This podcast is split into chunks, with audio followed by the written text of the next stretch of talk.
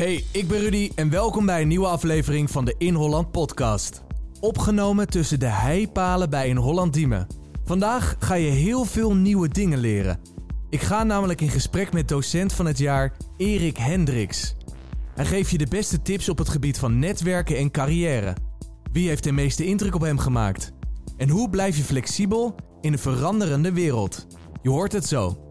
Verder vertelt Erik waarom het zo belangrijk is om je hart te volgen. En hoe hij dat zelf doet. Erik, welkom. Leuk eh, dat je te gast wil zijn in onze In Holland podcast. Hoe ga jij de wereld veranderen met jouw ervaring in het onderwijs en ondernemerschap? Poeh, daar stel je een hele zware en moeilijke vraag. Want kijk, eh, ik ben natuurlijk maar een, een, een kleine schakel in het geheel. Uh, en ik probeer natuurlijk wel mijn bijdrage te doen als kleine schakel in het geheel. Dus uh, de wereld veranderen, dat zal niet beginnen. Ik hoop wel mensen te kunnen prikkelen tot het regie nemen op, op eigen ontwikkeling. Uh, en als dat zou lukken, dan, dan ben ik al een heel tevreden mens. Oké, okay. nou ik ben benieuwd naar een aantal voorbeelden straks. Ja. Uh, als eerst, um, wij ontmoeten elkaar net. Ja. Jij als netwerkdeskundige. Wat is dan voor mij een slimme vervolgstap als je iemand voor het eerst ontmoet? Ik denk dat het heel erg belangrijk is om gewoon vooral bij jezelf te blijven. Uh, ik denk dat het heel erg belangrijk is om vragen te stellen, maar ook vooral om heel goed te luisteren. De meeste mensen stellen goed veel vragen, maar luisteren niet naar het antwoord. En ik denk dat iedereen die je ontmoet kan, is waardevol. Uh, A, persoon is sowieso waardevol, maar het kan ook waardevol zijn voor je eigen contacten. Uh, misschien zie je die nu niet, misschien zie je die later op een gegeven moment. Wees altijd alert, wees altijd open, uh, sta open voor andere mensen, sta open voor andere ideeën. Uh, probeer mensen te begrijpen waarom ze zaken doen zoals ze die doen. Iedereen heeft daar een eigen motivatie voor. Uh, alhoewel soms je dat wel in twijfel mag, mag stellen bij sommige mensen. Mm-hmm. um, maar goed, we, wees vooral ook jezelf en probeer ook, ook te ontdekken wat je allemaal kunt. Want vaak zijn, is de omgeving een belemmering voor je eigen groei. Oh ja? Hoe, hoe kom je erachter dat het zo geldt voor jou? Daar kom je achteraf achter altijd. Dus dat is natuurlijk een nadeel. Maar van de andere kant denk ik van... Uh, je moet blijven proberen, blijven op zoek gaan naar, naar dingen die voor jou interessant zijn.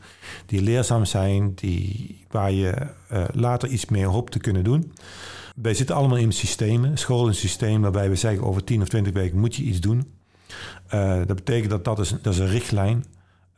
we moeten ook allemaal boekjes uit elkaar lezen... Maar goed, soms is het veel interessanter om eromheen te lezen en te begrijpen wat zit er nou achter in plaats van uh, geconditioneerd te zijn op wij moeten zoveel pagina's uit ons hoofd gestampt hebben. Uh, van welke introductie was jij het meeste gecharmeerd? In mijn hele leven? Ja, in je hele leven?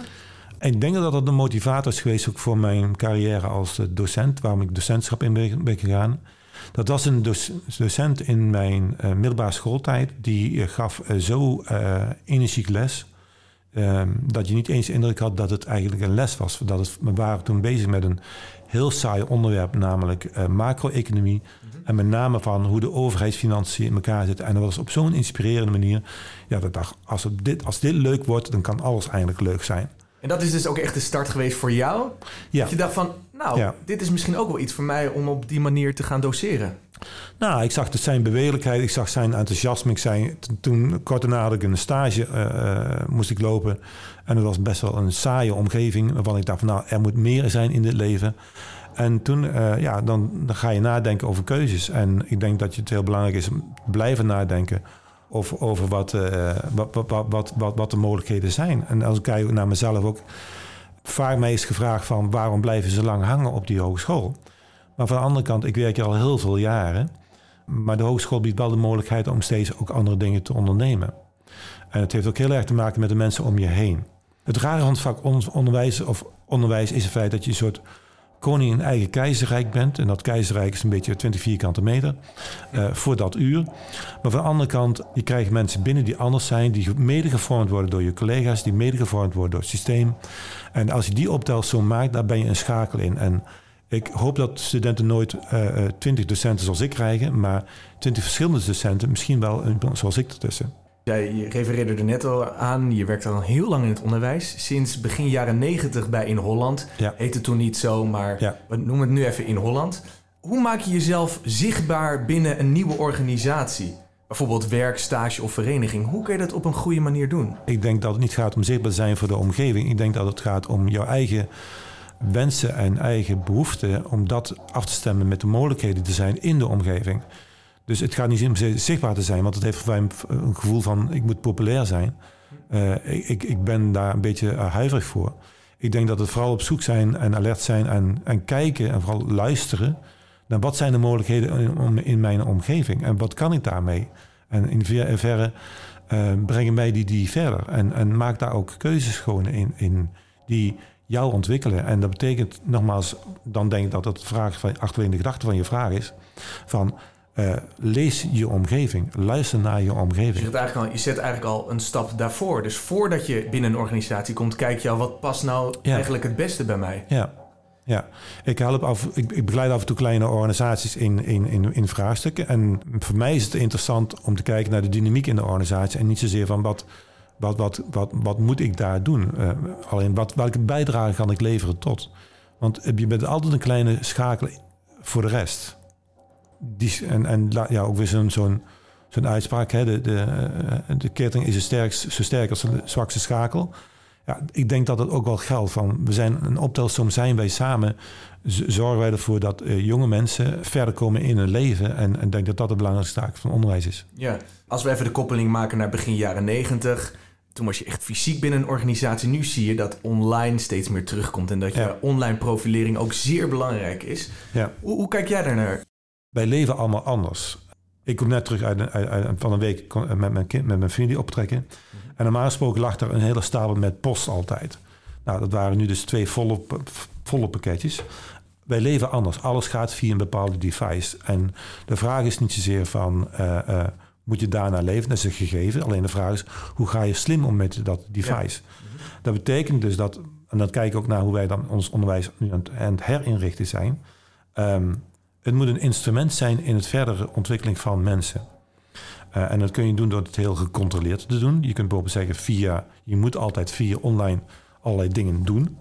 Maar je kunt ook zeggen van die online device is een prikkel om jou aan het denken te zetten. En een prikkel om de fysieke contacten die we hebben, die steeds uh, uh, lastiger en duurder worden, om die zoveel mogelijk inhoud te geven. Een digitale cursus geloof ik niet in. Want dat is een verhaal van, van kennis, van, puur van kennis en, en eventueel skillsoverdracht. Maar ga je één stap dieper, dan moet je daarmee met elkaar in interactie gaan. En dat is de waarde, denk ik, van ons onderwijs. Het grappige is wel dat als we kijken naar de huidige generatie, het sociale contact van het praatje maken, het socialiseren, het welkom heten, dat is anders geworden.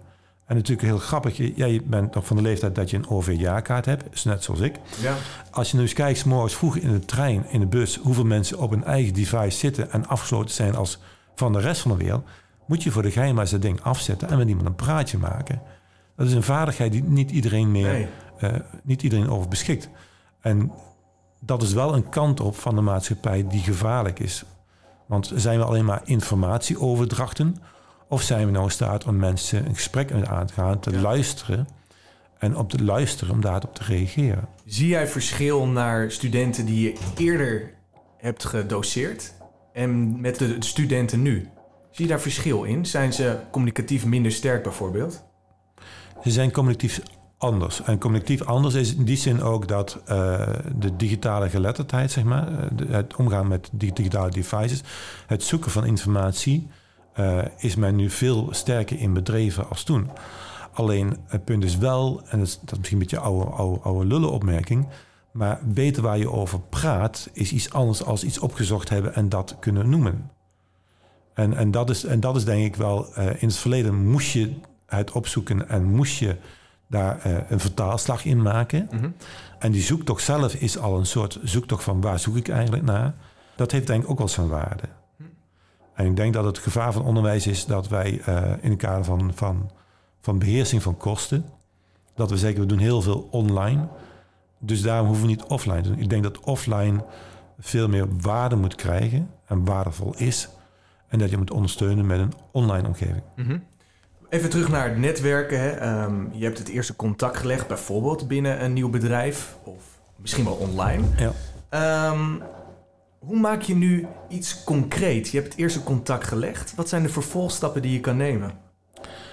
Nou, ik denk dat het belangrijk is om, om in de vervolg uh, te, te, zorgen dat je uh, levelt. Dus dat je een, een, een bepaalde rapport hebt met mensen opbouwt. Dus, dus dat je elkaar aanvoelt. Hoe kan je dat doen? Door te luisteren, door, door goede vragen te stellen, door, door open te staan voor mensen, door interesse te tonen in mensen. Dus niet zozeer van, oh, u bent die en die, maar gewoon... Uh, vorige week was ik bij een bedrijfje. Het waren twee internisten die hadden besloten om een, een product op de markt te brengen om te zorgen dat mensen in een, in een uh, gezondheidszorg meer de protocollen tot zich nemen. Ja, die mensen hadden er keuze in gemaakt. En dan een hele, we hebben heel lang gesproken over, over wat is nou, waarom je dat soort keuzes maakt in het leven. Waarom ga je naast internist ook dit doen? En hebben daar een heel leuk gesprek hadden we er ook over. En, en dat duurde drie kwartier. En toen kwamen we eigenlijk tot het punt van, van waar we het eindelijk met elkaar het over moesten hebben. Over de student die daar stage loopt. Ja. En dan merk je dat als je dat rapport hebt opgebouwd en dat je elkaar interesse in elkaar hebt getoond, en echte interesse, dat je dan de rest van het vervolg in, bij wijze van spreken vijf minuten kan aftikken. Mooie tip, goede tip. Je hebt ook meerdere banen. Naast docent ben je ook projectleider bij Indopet. Ja. Denk je dat dit ook de toekomst wordt? Dat de werknemer van de toekomst niet meer 40 uur bij één werkgever werkt, maar misschien wel flexibeler is met meerdere banen? Dat is een gegeven. En waarom? Omdat enerzijds mensen, uh, de, de, huidige generatie hecht veel minder belang aan langdurige contracten. Hecht veel meer waarde aan, aan, aan banen die, die, die uitdaging zijn. Dat betekent automatisch dat je altijd op zoek gaat naar, naar, naar, naar klussen, opdrachten, werk die je interesseren, die je boeien. Er zal altijd spanningsveld zijn tussen inkomen en tussen uitdaging. Dat, ja. dat zal zo zijn. Maar ik denk wel dat we enerzijds naar, naar, naar, naar, naar een tijdperk toe gaan waarbij er veel kortcyclischer gewerkt gaat worden. Als je kijkt nu naar de huidige vormen van Scrum, Agile, uh, design sprints en dat soort zaken, wat allemaal ingaat op korte cyclissen van werken. Um, dat zal niet voor iedereen gelden natuurlijk, maar ik denk dat het wel de, de, het volk wat wij hier, de mensen die wij hebben, HBO-opgeleiden, dat dat veel ja, dat daar een significant uh, bijdrage in zal hebben. Mm -hmm. Binnen de opleiding Business Studies is er ook een, een, een, vak of een cursus dat heet veranderkunde. Ja. Um, de wereld verandert snel, zoals net besproken, vooral op technologisch ja. vlak. Uh, stilstaan is vaak achteruit gaan. Op welke manier kun jij als persoon, als student meegaan met die verandering? Dat is makkelijker gezegd als gedaan. Ik denk dat het een verhaal is van uh, vertrouwen krijgen in het feit dat je dingen mag, laten, mag loslaten. Ik denk dat het vooral gaat om zelfvertrouwen. En ik denk dat dat heel erg belangrijk is om mensen eh, altijd in hun kracht te zetten. Dat is natuurlijk een mooie opmerking van nu. Fouten zijn pas fouten op het moment dat je niet ziet dat het fout is. De andere, de andere kant zijn, de andere zijn namelijk pogingen. Pogingen om te leren. En, en onze rol als docenten, onze rol als, als, als onderwijsmensen is om mensen te helpen om, om beslissingen te nemen en om de diverse gevolgen van die beslissingen te onderzien en daar keuze in te maken. En als je een verkeerde keuze maakt, dat dat nooit verkeerd is, dat het altijd de keuze is die, die anders had kunnen zijn. -hmm. En dat te leren begrijpen. Ik geloof meer in portfolio's waarin mensen laten zien wat ze allemaal kunnen, daar gekoppeld durven, dan dat wij een, een heel aantal tentamens meer keuzetoetsen afnemen. Soms moet je ook even stilstaan. Ja. Hoe kan je dat beter doen met goede muziek? Ik wil even een uh, fragment aan je laten horen. Dat is YouTube. Als je nou zou zeggen van geef me even een vrijkaartje ervoor van die laatste keer. Of een tikje gemist heb. Dat is een van de mooiste nummers, ja. Landlady, hè? Ja. Dat vind jij een van ja. de mooiste nummers van YouTube. Ja. Wat doet dit met je? Nou, het, het, is een heel warm nummer. Het, het, geeft, uh, het gaat over uh, je ergens thuis voelen. Over zorg. En dat vind ik wel heel mooie woorden, ja. En net vorige keer te laat voor de tickets voor het concert van YouTube. Ja. Daar je nog steeds van. Daar baal ik nog steeds van, ja. ja, omdat ik wist dat het een, kleine, een relatief kleine setting was, ja. En, okay. en ik heb ze ooit gezien in uh, het Gelderdom. Dus soms met z'n vieren op het podium. Ja. In een klein, relatief kleine setting. Ja, dat vind ik gewoon gaaf. Je werd docent van het jaar 2019. Na 29 jaar werkzaam te ja. zijn bij 1 Holland... Had je die titel niet veel eerder moeten verdienen? ja, dan had je ook misschien ook eerder met, de, met, met, met, met, met dit soort dingen moeten beginnen. Okay. Ja, even, even een aantal quotes van, eh, van studenten. Ehm, ik ken Erik als een warme en zorgzame docent die altijd tijd voor je maakt. En een andere quote, Erik ziet altijd kansen voor samenwerking en weet dit ook altijd voor elkaar te krijgen. Huug de Deugd, lid van college van bestuur, vertelde tijdens de uitreiking... wij waarderen hoe Erik klaar staat voor studenten... en hen op zoveel mogelijk manieren probeert uit te dagen. Wat doen deze reacties met je? Nou, het zijn hele warme woorden en een heel, uh, heel waarderende woorden. En uh, ben ik door vereerd, uh, gevleid. Um, ik ben blij dat, dat het deze woorden zijn. In plaats van, oh, hij is heel erg goed in het maken van Excelletjes of zoiets. Ja. het zijn wel waarden, het zijn dingen die ik belangrijk vind in het onderwijs. En, en, en, en dat spreekt ook om, vanuit Huug, maar ook uit dat kanaal. Dus dat het niet alleen gaat om de studenten, maar dat de organisatie het zelf ook ziet. En daar ben ik ook blij om. Dat betekent dus dat we een organisatie zijn die uh, dit blijkbaar ook belangrijk vinden. En wanneer denk jij, yes, hiervoor zit ik in het onderwijs? Um, als ik hoor dat, dat, dat alumni of dat studenten iets gedaan hebben waarvan ik denk van nou, dat was altijd al een droom. Uh, top dat je het gedaan hebt. In het derde jaar zijn een meisje, die komt uit Iran en die wou graag stage lopen. En ze zegt ja, maar eigenlijk is dat in stage lopen in Iran te ver weg. Daar geloof ik niet in. Het is maar één vliegtuig. Dus of je nou naar Australië gaat of naar Iran, dan moet je gewoon halverwege uitstappen. Maar zij heeft het voor elkaar gekregen. En, en ze heeft daar heel veel dingen geleerd. Ze is uh, heel, veel, heel veel dingen geleerd over haar eigen roots, over haar eigen cultuur. Uh, heel erg bewust geweest van, van dat zij als uh, voormalige Iraans hier in Nederland woont met Nederlandse cultuur. Clash is niet zozeer, maar gewoon veel meer van: hé, hey, waar liggen mijn roots? Wat, wat betekent dat? En dat ze dat gedaan heeft. En daar ben ik erg blij mee. En, en alle uh, dingen die, er, die dan misgaan, so, so shall it be. Mooi voorbeeld van leren is durven. Ja. We hebben hier vijf uitingen liggen. Welke uiting spreekt jou het meeste aan? Leren is je mening aan durven passen. Leren is je hart durven volgen. Leren is fouten durven maken. Leren is doorzetten als anderen opgeven. Leren is een vraag durven stellen. Mij spreken uh, het hart durven te volgen het, het allermeeste aan. En als je je hart volgt, dan ga je automatisch fouten maken. En dat is helemaal niet erg. Ik denk dat je veel beter dat kunt doen waar, waar je achter staat. Waar je voor gaat. Waar je, waar je ziet waar, waar je intrinsieke waarde in zit. En dat, is, en, en dat is het allerbelangrijkste. En op welke manier doe jij dat, Erik? Hoe volg jij je hart? Ik volg mijn hart doordat ik uh, uh, in samenspraak met de mensen om mij heen keuzes maak waarvan ik denk van daar zit mijn uitdaging in. Ik heb het aanbod gekregen om volgend jaar part-time in het buitenland te gaan werken. En dat heb ik met thuis overlegd en dat heb ik met, met mijn manager overlegd. Wij denken allemaal dat het een hele mooie eh, stap zou zijn. En dat betekent dat gewoon volgend jaar zaken anders georganiseerd moeten worden. Dat betekent dat mijn manager, maar ook vooral mijn collega's daar last van gaan hebben. Maar dat we allemaal zien dat daar uh, iets in te halen valt. Omdat ik daar uh, kracht uit krijg.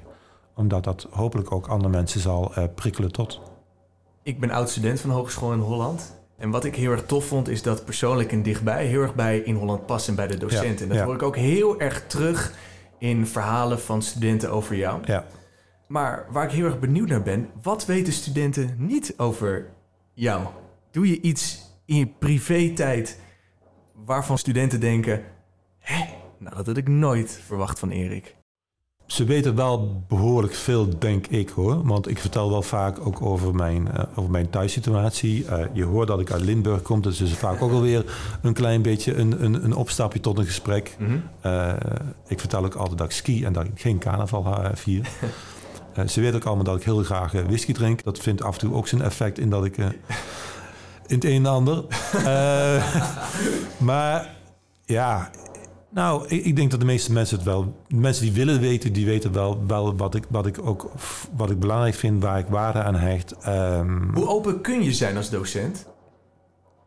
Ik denk dat het afhankelijk is van de band die je hebt met iemand. Kijk, in de klas zelf moet je opletten dat je sommige dingen niet gaat vertellen.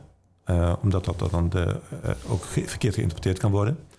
Maar als je, zoals wij bij ons in de afstudeerrichting, uh, vaak werken met kleinere clubs, vijf, tien, twintig studenten, dan kun je wel de dingen ook zeggen die op je hart liggen, uh, waar je keuzes maakt, waar je dingen vindt.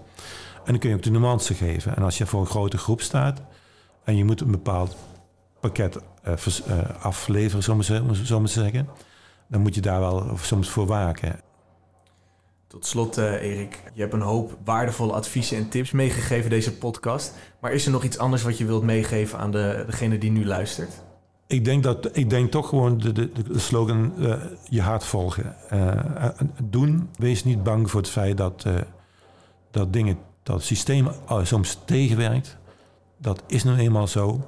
Het grappige is, ik was net de weg naar boven toe. Dus sprak een student mij aan. Ja, gaat wel vijf jaar duren deze opleiding, want ik ben niet op tijd. Toen zei ik tegen haar ook van, nou, er zijn een paar collega's verderop... die hebben elf jaar over de vijfjarige opleiding gedaan. Dus, hm, en nog steeds weet niemand dat. Uh, dus, dus, dus het, tijd is relatief. Uh, je mag tot 70 jaar doorwerken. Doe vooral de dingen waar je in gelooft. Erik, dank je wel. Dank je. En, heb je goed naar Erik geluisterd en alle tips opgeschreven?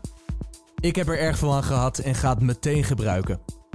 Dit was de podcast met docent Business Studies Erik Hendricks. Bedankt dat je hebt geluisterd. Ben je al geabonneerd op onze podcast? Dat kan via je favoriete podcast-app zoals iTunes, Spotify of TuneIn. En welke gast wil jij graag een keer horen in de In Holland podcast? Geef het even door via podcast.inholland.nl. Tot de volgende!